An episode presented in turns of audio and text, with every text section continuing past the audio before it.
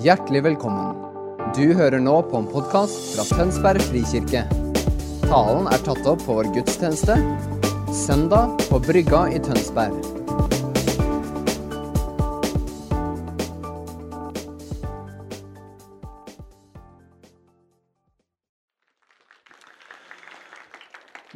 Inn i ordet. Dere må gjerne ta opp biblene denne søndagen, for i dag skal vi lese mye tekst. Jeg skal gjøre noe jeg knappest har gjort noen gang, og det er jo skummelt, men jeg prøver. Eh, fordi at vi skal bruke mye tid i ordet, lese mye. Og det er det nye. Eh, fordi denne vårens serie er Jesusmøter. Og av og til når vi henter fram eh, perspektiver, kommer bildet opp.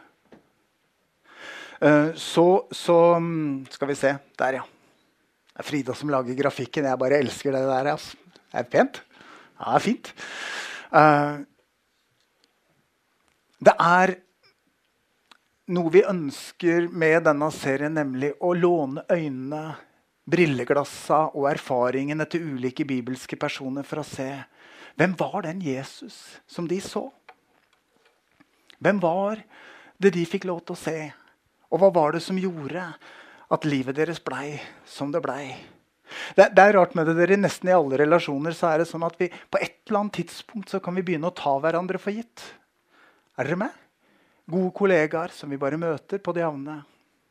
Familierelasjoner. Til og med i ekteskapet.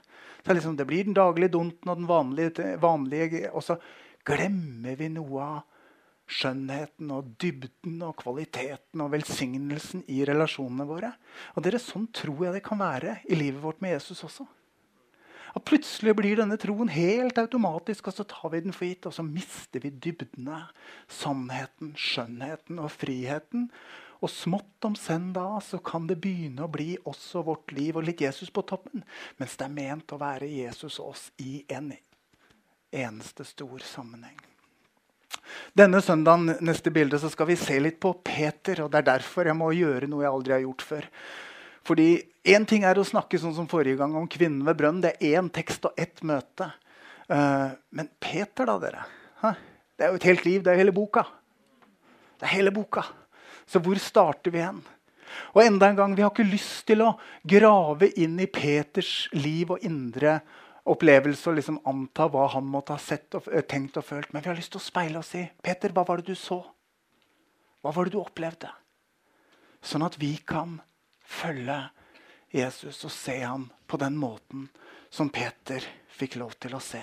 Men allerede før jeg begynner, så har jeg satt opp en liten teaser som, som jeg låner fra den disippelen som Jesus elsket, Johannes sitt evangelium. For det står der i første kapittel at hans fylde har vi alle fått nåde over nåde. Og Det som er den røde tråden dere med Peter, er nåde. Og Jeg skal avslutte denne talen med en quote fra Peter selv, som nettopp nagler det fast. Det handler om nåde over nåde.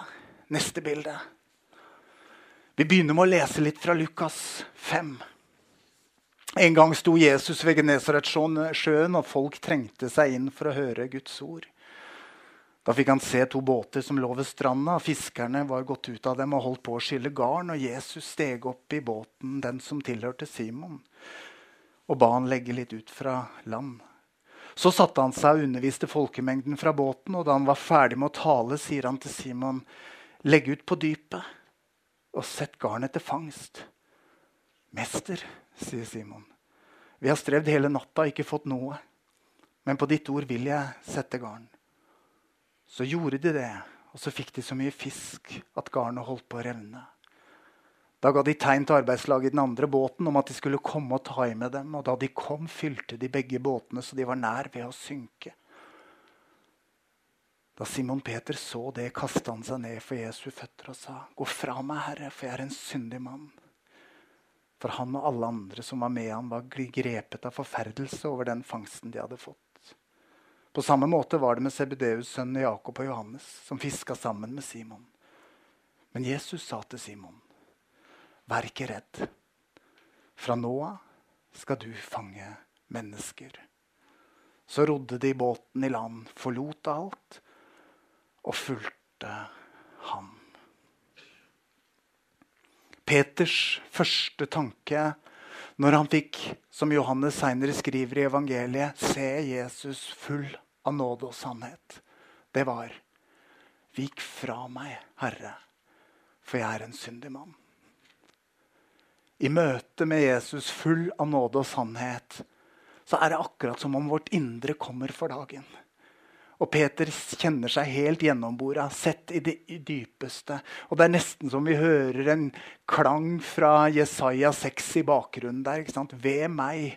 Det er ute med meg. For jeg har fått se Herren, og jeg er en syndig mann.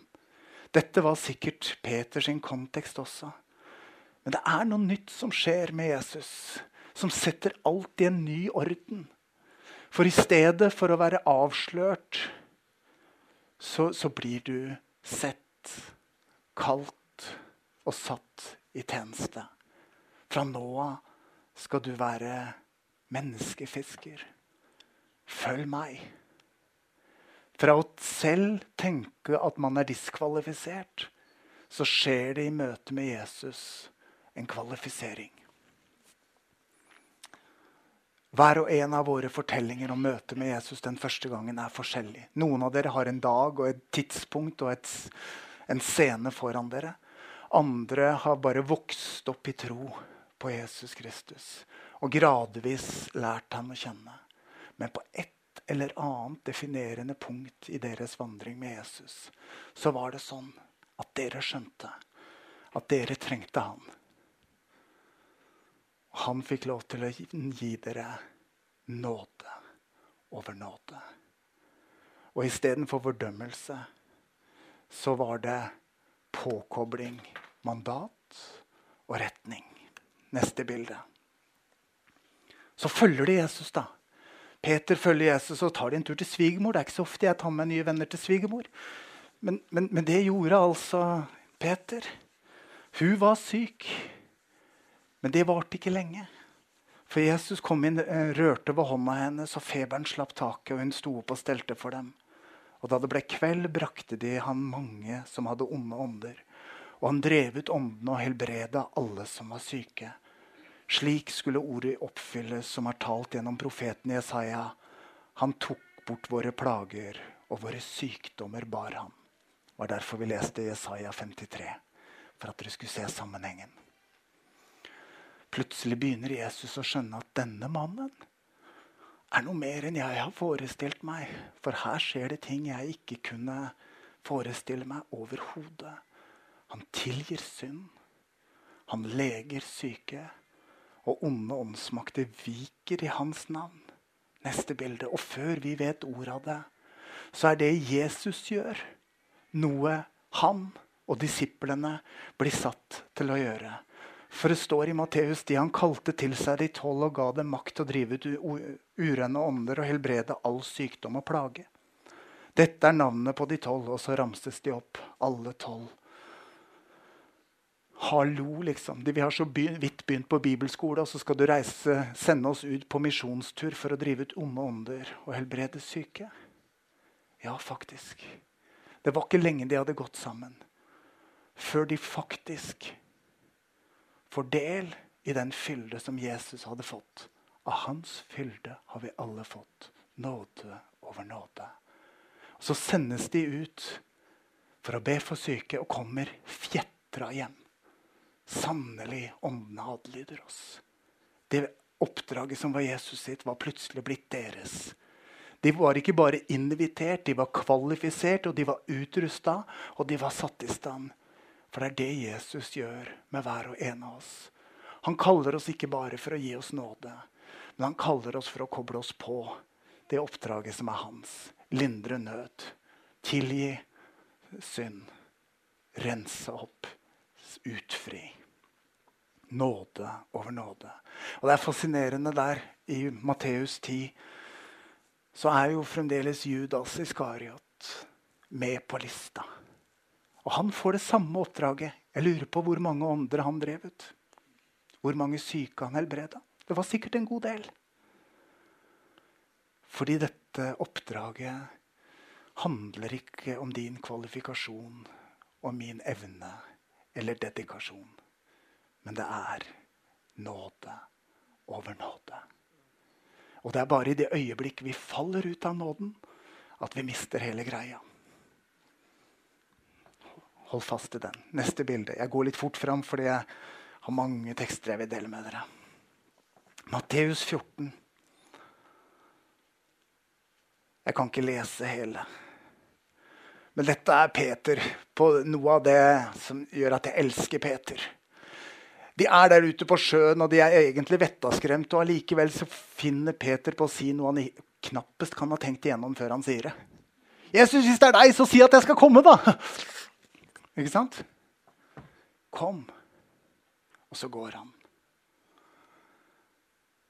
Kom, sa Jesus. Petter steg ut av båten og gikk på vannet bort til Jesus.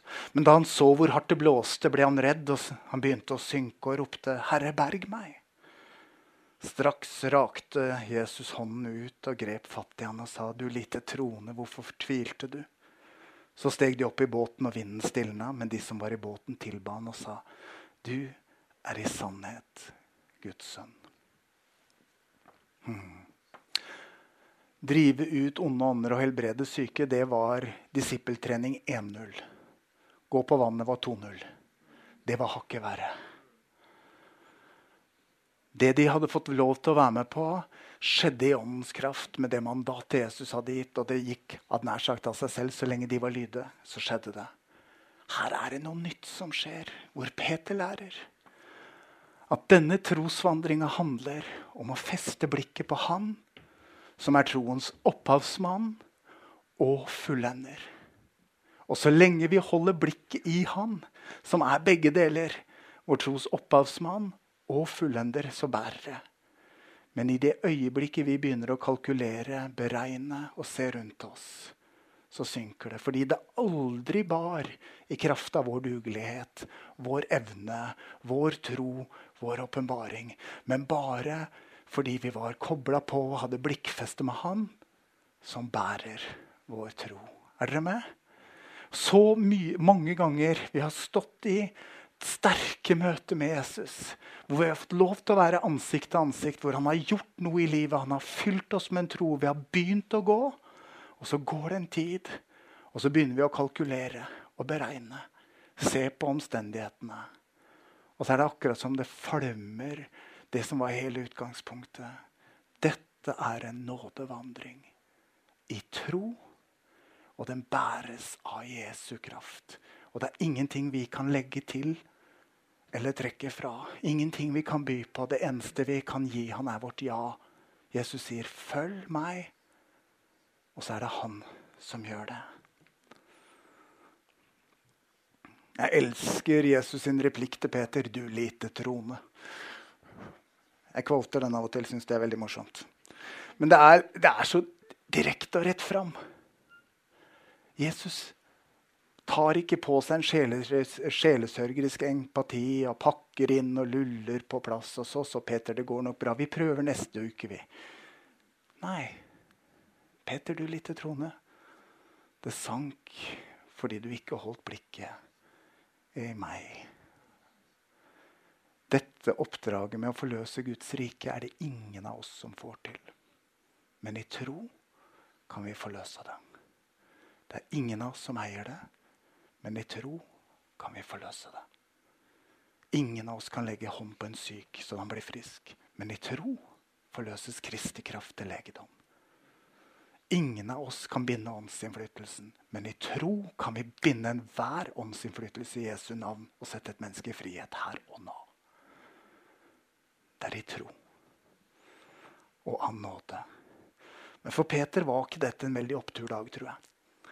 Litt bedre blir det i kapittel 16. For det går rykter om Jesus. Og Jesus spør hvem sier dere at jeg er, da? Og Peter frampå igjen, som alltid. Du er Messias, den levende Guds sønn. Og så får han høre. Salig du er Peter, og på denne klippen vil jeg bygge min kirke. Og dødsrike portene skal ikke få makt over den. Jeg vil gi deg himmelrikets nøkler, og du, det du løser på jorden, skal være løst i himmelen. Dette var en av de bedre dagene for Peter. Endelig satt den, liksom. Det var opptur etter en heller dårlig svømmetur. Her var det riktig svar. Og så får han høre. Peter, på deg vil jeg bygge kirka mi. Og så gir jeg deg nøklemakten. Jeg har ikke tid. Det hadde vært verdt en hel tale. Men kort, dere. Vi som kirke, Peter som den første kirkens apostel og leder, og vi som kirke er gitt nøklemakten. Når brukte du den sist? Til å løse og til å binde. Til å binde løgn og løgnens far og ondskapens ånde her. Og til å løse mennesker som er bundet av selvanklage, av synd og skyld og av smerte og sår. Det er makten vi har. Og av og til forveksler vi. Og så binder vi folk vi skulle ha løst. Og så lar vi åndsmaktene være fritt vilt. Fordi vi snubler totalt på dette punktet. Mandatet er tydelig. Binde i det åndelige. Løse mennesker. Er dere med? Og denne eh, Altså Digresjon kutta ut. Denne makten er gitt oss. Alle som én. Enhver som er troende, har fått nøkkelmakten. Hver gang du møter et menneske som er bundet til noe, skyld, synd, anger, så kan du løse det i Jesu navn. Vær frimodig og gjør det. Og hver gang du ser at løgneren og hans kompani er på ferde, så kan du binde det i Jesu navn. Oppmuntrer oss som fellesskap til faktisk å anvende nøkkelmakten. Når vi velger nådens og tilgivelsens vei, så står det her at de tingene har evighetsverdi. Legg merke til det. Det som vi har bundet, skal være bundet i himmelen. I evighet, altså. Det vi løser, skal være løst i evighet. Det er veldig få ting vi kan gjøre her og nå som har evighetsverdi. Men å bruke nøkkelmakten har evighetsverdi. Fantastisk. Kjapt videre. Neste bilde.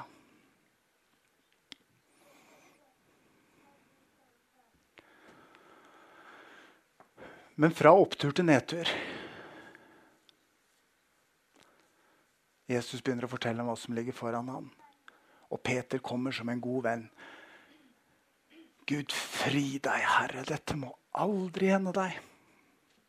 Men Jesus snudde seg og sa til Peter, Vik bak meg, Satan. Du fører meg til fall. Du har, ikke, du har ikke tanke for det som Gud vil, bare for det som mennesket vil. En ny nedtur. Her nailer han det ikke. Her ser vi en Jesus som er full av nåde og sannhet, og som gjenkjenner den åndelige karakteren når motstanderen forkler seg som et lysets engel. Jesus ser dette her.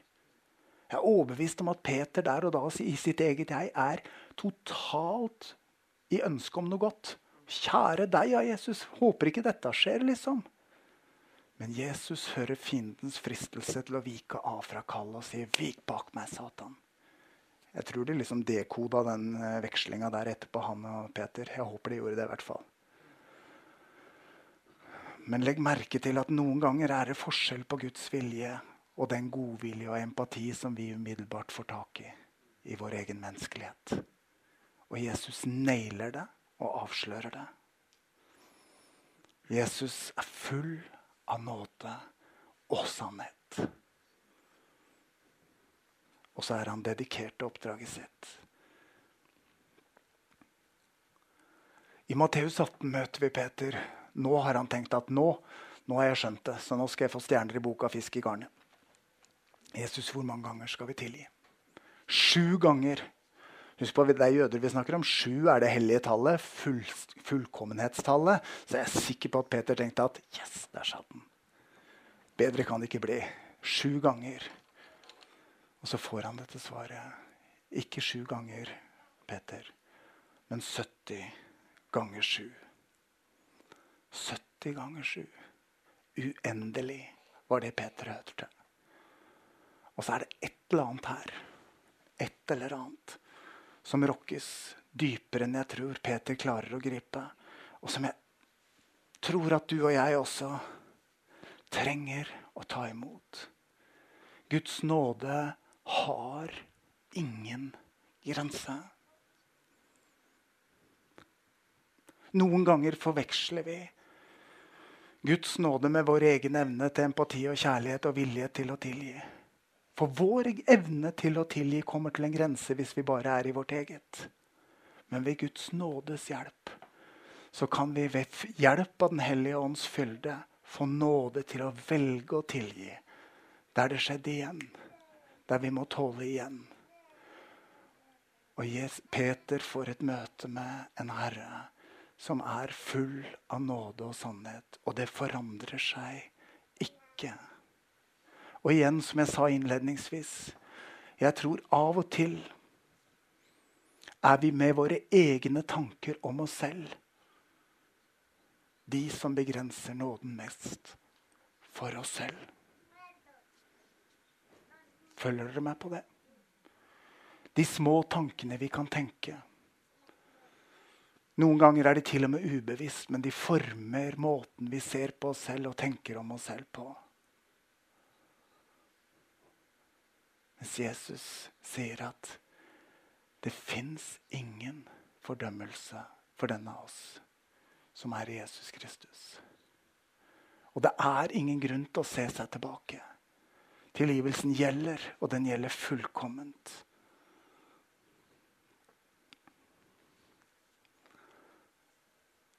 Kjapt til neste tekst. Dette har vi også allerede vært innom. Jeg tror det var Johannes som delte det mens vi sang. Når Jesus reiser seg fra måltidet, så får Peter en ny erfaring. Skal du vaske føttene mine? Jesus svarte det jeg gjør, forstår du ikke nå, men du skal forstå det siden. Aldri i evighet skal du vaske føttene mine, sier, eh, sier Peter. Hvis ikke jeg vasker deg, har du ingen del i meg, svarte Jesus. Da sier Peter, Herre, ikke bare føttene, men hendene og hodet også. Og Jesus sier, Den som er bada, er helt ren og trenger bare å vaske føttene. Dere er rene, men ikke alle. Peter får erfare en Jesus som setter seg på kne for å stelle med såre føtter. Vi får såre føtter av og til. Livet gir oss erfaringer som er vonde. Vi erfarer svik, vi erfarer sykdom, vi erfarer nederlag. Vi erfarer ulike ting i livet.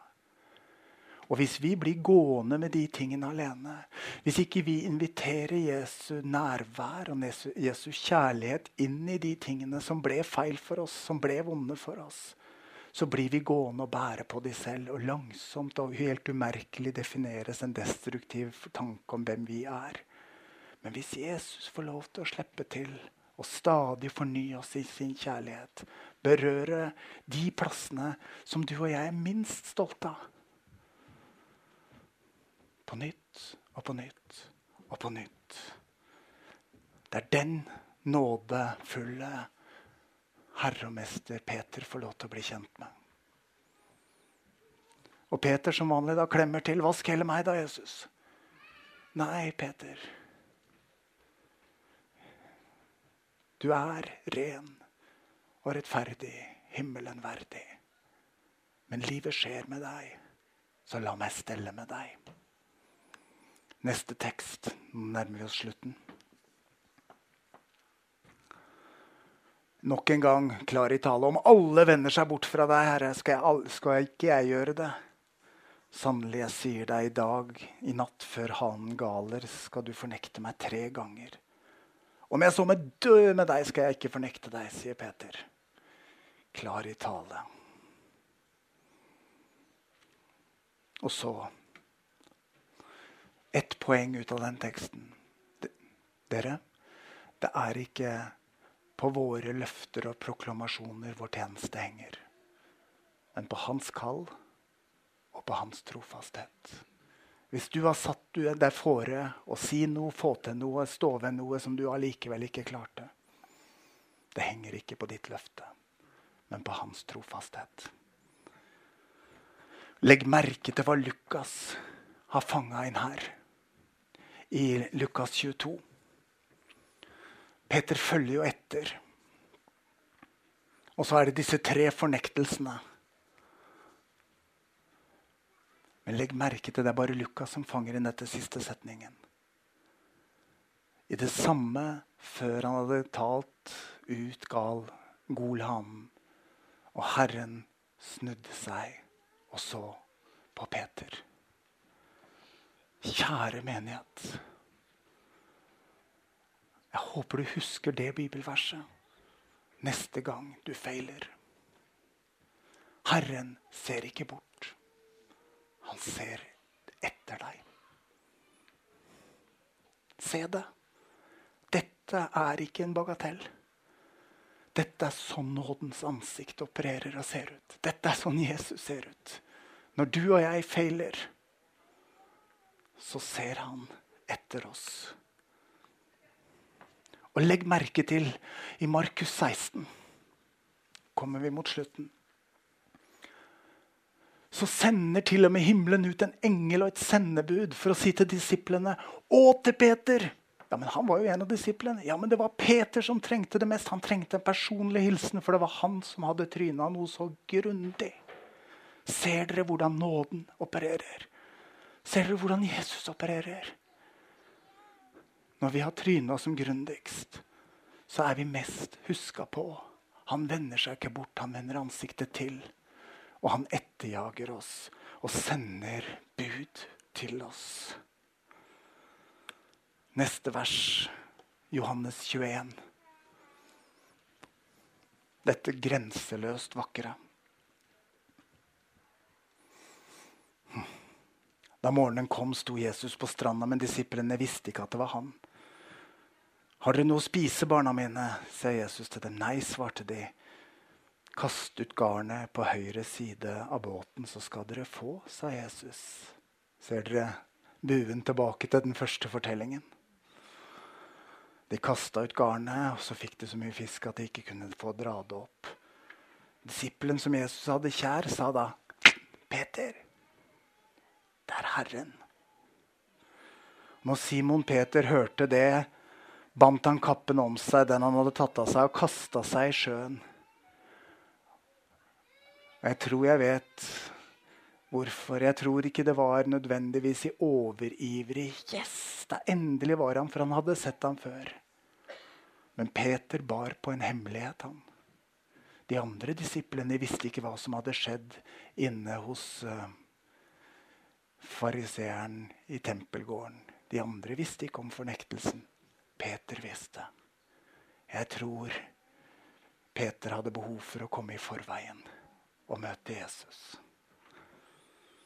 Og så inn, i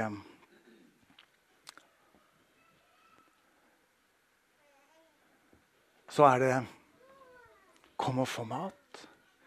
Og så er det de tre spørsmålene om, jeg, om 'Peter, elsker du meg?' For at hver av svikene skulle veie opp, veies opp med en ny bekreftelse på 'Peter, elsker du meg?' Og Peter klarer ikke svare ordentlig engang. Han bruker et annet og svakere verb i grunnteksten. 'Du vet jeg har deg kjær'. Og så kommer på nytt igjen, etter alt de har erfart sammen. Følg meg. Det samme følg meg som det starta med. Og nå har vi gått gjennom hele den bibelske vandringa med Peter og Jesus. Og det slutter som det begynner, med et nådens kall i møte med en erkjennelse av utilstrekkelighet. Og det er på basis av erkjennelse av utilstrekkelighet et nytt kall kommer. Og dere, hva sier dette til oss? Hva sier dette til oss som menighet? At vårt første og fremste kall og nå kommer jeg til å kvote visjonssetningen til kirka vår, er å være en menighet overøst av kjærlighet til Gud og til mennesker. Vårt første kall er å ta imot kjærlighet. La oss elske. Ta imot ny nåde hver eneste dag. Og dernest, på basis av den kjærligheten som på nytt og på nytt og på nytt og på nytt fornyer oss, gi den videre til andre. Helt til slutt. Dette er Peters quote, som han etterlater i Bibelen. Som det som skal runge om det helt sentrale i det å følge Jesus. Jo, tjen hverandre, hver og en. Som gode, med den nådegave han har fått, som gode forvaltere over Guds mangfoldige nåde. Av nåde, i nåde, ved nåden. Tjen hverandre. Og andre kan vi legge til for å liksom utvide perspektivet.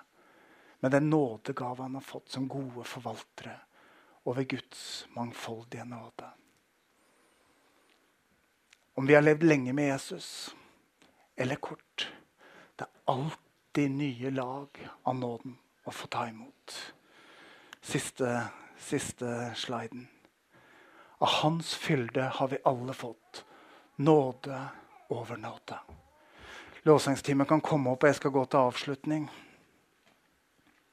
Men jeg har lyst til, etter alle disse orda, så har jeg lyst til at du skal være nær ditt eget hjerte idet jeg går til avslutning. Og kjenne etter med deg selv. Hvilke rom i ditt liv er det du har lukka igjen? Hvilke plasser, hvilke relasjoner, hvilke hendelser, hvilke situasjoner er det du har forsøkt å legge et dekke over? Men hvor Jesus ønsker å få lov til å komme og se og rense og reise opp. På hvilken plass er det du trenger å kjenne at fullkommen kjærlighet gjør noe nytt i ditt liv? Hva er de negative løgnene du har slutta fred med, som han i nåde og sannhet trenger å oppgradere? Og mens jeg snakker nå, så er jeg ganske sikker på at noen av dere har noe klart i tankene. Og mens jeg ber, så inviterer jeg dere til å plassere dette som kommer opp i tanken, framfor Jesus. Legge det av sånn at nåden kan få gjøre sin virkning. For det er det han er, Jesus. Sånn som Peter lærte han å kjenne. Full av nåde og sannhet. La oss be sammen. Hmm. Jesus, takk for din nåde som er ny hver eneste dag. Takk for ditt fullbrakte offer. Takk for at du gikk smertens vei og tålte hvert slag og hver pine. Takk for at du hadde hver og en av oss i tankene da du gjorde det. Takk at vi, når vi legger ned vårt eget, vår egne svik og vår egen tilkortkommenhet og våre egne sår Men vi legger det ned for dine føtter, Jesus. Så gir vi deg ære så sier vi at det var sant og nødvendig, det du gjorde. Takk at hver dag i relasjon til deg, Jesus, er en ny nådens dag. Der du kommer og rører med det som synd og sår og smerte og sorg har fått lov til å ødelegge og begrense. Kom, God Hellige Ånd, kjærlighetsånd, som balsam på ømme sjeler. Kom og fyll vårt indre med ditt skapende nærvær, din kjærlighet. Og Herre, Jeg ber særlig for de av oss som sitter og kjenner på erfaring av svik og sårethet ut av svik. Fyll oss med din kjærlighet, Herre, og gi oss evne og vilje til å tilgi. For ditt rikes skyld, for vår egen skyld. Gi oss nåde, så nåden kan flyte gjennom oss til andre. Takk at du ikke krever mer av oss enn det du har gitt oss. Derfor så ber vi deg denne formiddagen, Jesus. Gi oss raust av din nåde. Gi oss raust av din nåde. Så vi kan leve nådefullt med alle rundt oss. Til din ære, Jesus. Amen.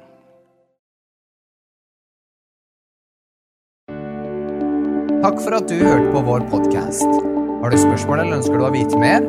Søk oss på vår nettside tonsbergfrikirke.no. Du er også velkommen til kirke på Brygga i Tønsberg.